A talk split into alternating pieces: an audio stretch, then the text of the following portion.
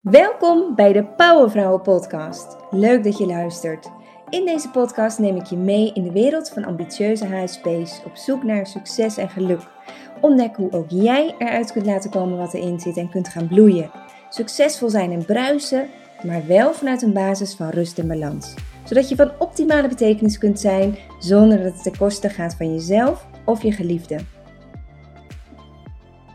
Het was denk ik zo'n tien jaar geleden toen ik in een enorm gênante situatie terecht kwam.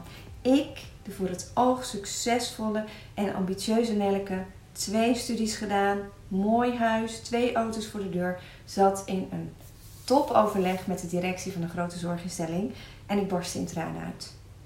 Ik liep al jaren op mijn tenen, probeerde te voldoen en te presteren, maar er kwam maar niet uit wat erin zat. En ik voelde dat ik faalde. En toen er zoveelste vraag kwam waar mijn hart nee op riep, maar mijn mond alweer ja op ging zeggen, toen was het klaar. Ik kon echt niet meer. En de directeur hees me in mijn jas en stuurde me naar huis en ik belde muziek. Het was echt een rotperiode.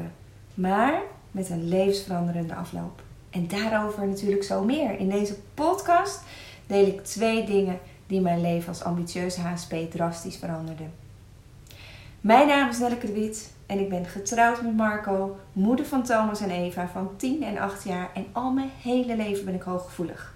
Dacht ik overal heel diep over na, voelde me anders op school omdat de antwoorden die ik gaf ja, net even anders waren. En ik was net iets verder in mijn hoofd dan de rest. Dus anderen begrepen mij ook vaak niet. Ik was me totaal niet van bewust. Waardoor dat dus eigenlijk kwam. En door een onveilige jeugd was het voor mij ook vaker overleven dan leven. En ik deed op wilskracht meerdere studies, want hé, hey, het zou mij toch niet gebeuren dat ik zou falen in het leven. Ik kreeg een topbaan, trouwde, had voor het oog dus alles op orde. En nu word ik gelukkig, dacht ik. En ik stortte volledig in.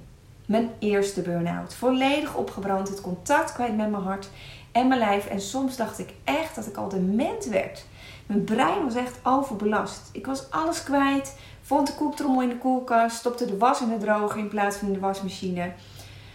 Had onderweg eh, in de trein soms echt een volledige blackout. Waardoor ik gewoon niet meer wist waar ik was en waar ik heen moest.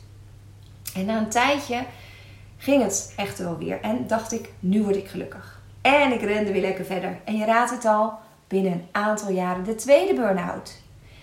En dat was het verhaal over die tranen in de directiekamer waar ik mee startte. En toen raakte ik in paniek. Ik kreeg last van angstaanvallen.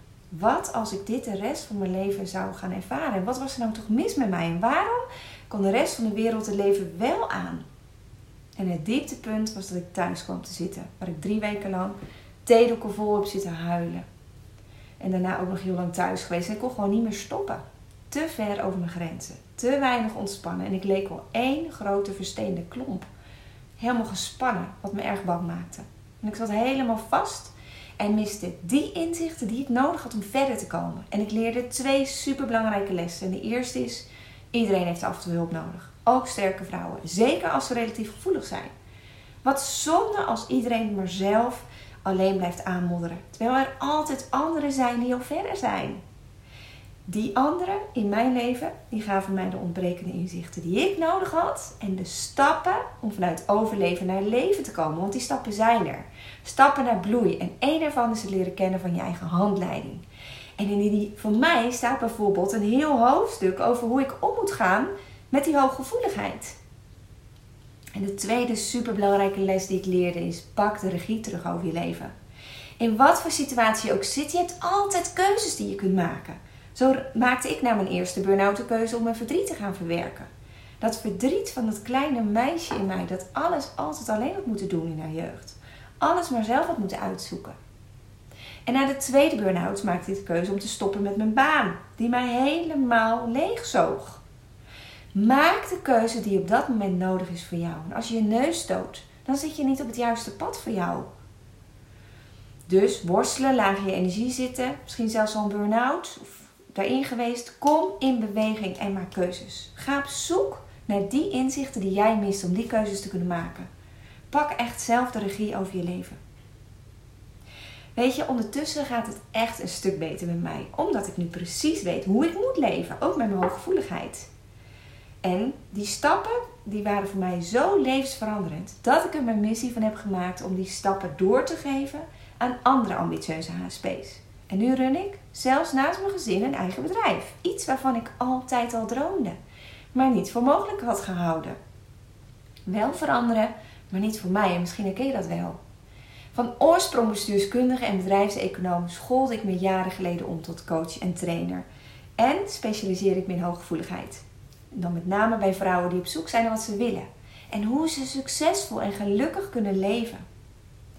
Want het kan toch echt niet zo zijn dat zoveel vrouwen ontmoedigd in hun leven staan. Aan het worstelen zijn. Constant laag in hun energie zitten en soms hun dromen al aan het wilg hebben gehangen. Niet tot bloei komen. Wat mij betreft kan dat niet bestaan. Niet voordat ze de inzichten die ik zo graag met je wil delen tot zich hebben genomen. En ik heb er mijn missie van gemaakt om jou te bemoedigen, te inspireren en de weg te wijzen naar een succesvol leven, ook voor jou.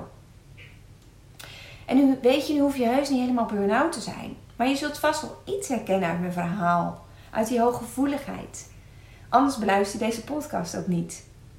Dat je constant met je grenzen worstelt en eroverheen gaat. Dat je anderen pleest. Dat je misschien wel je eigen grens helemaal niet eens meer voelt. Of dat je soms zo moe bent en laag je energie zit dat je geen bal meer aan het leven vindt. En misschien wel zelfs dat je bij hebt neergelegd dat je de rest van je leven nu eenmaal niet zo sterk zult zijn. Ieder huis zijn eigen kruis en voor jou is dat misschien wel jouw gevoeligheid.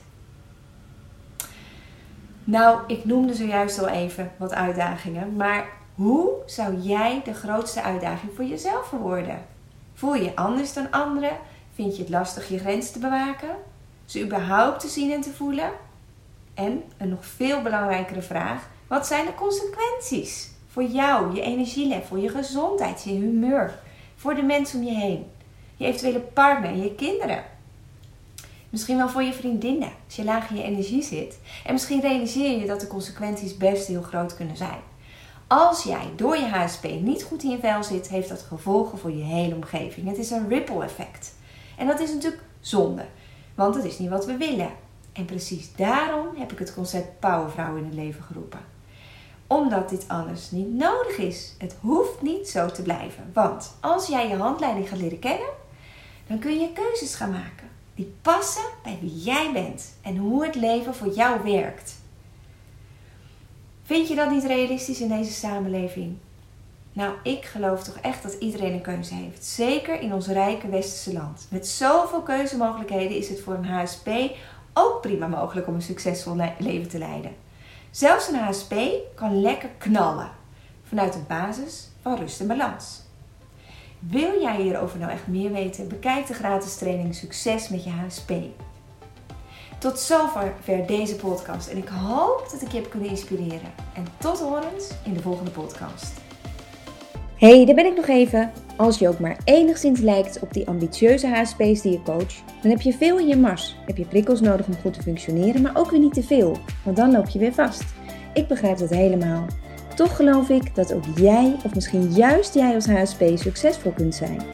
Ben je bereid te investeren in jezelf en de stappen te ontdekken voor bloei? Bekijk de gratis training Succes met je HSP. Klaar voor een grotere stap? Ontdek wat je wilt met het programma Powerlife. Vraag een vrijblijvend gesprek aan via de link bij deze podcast.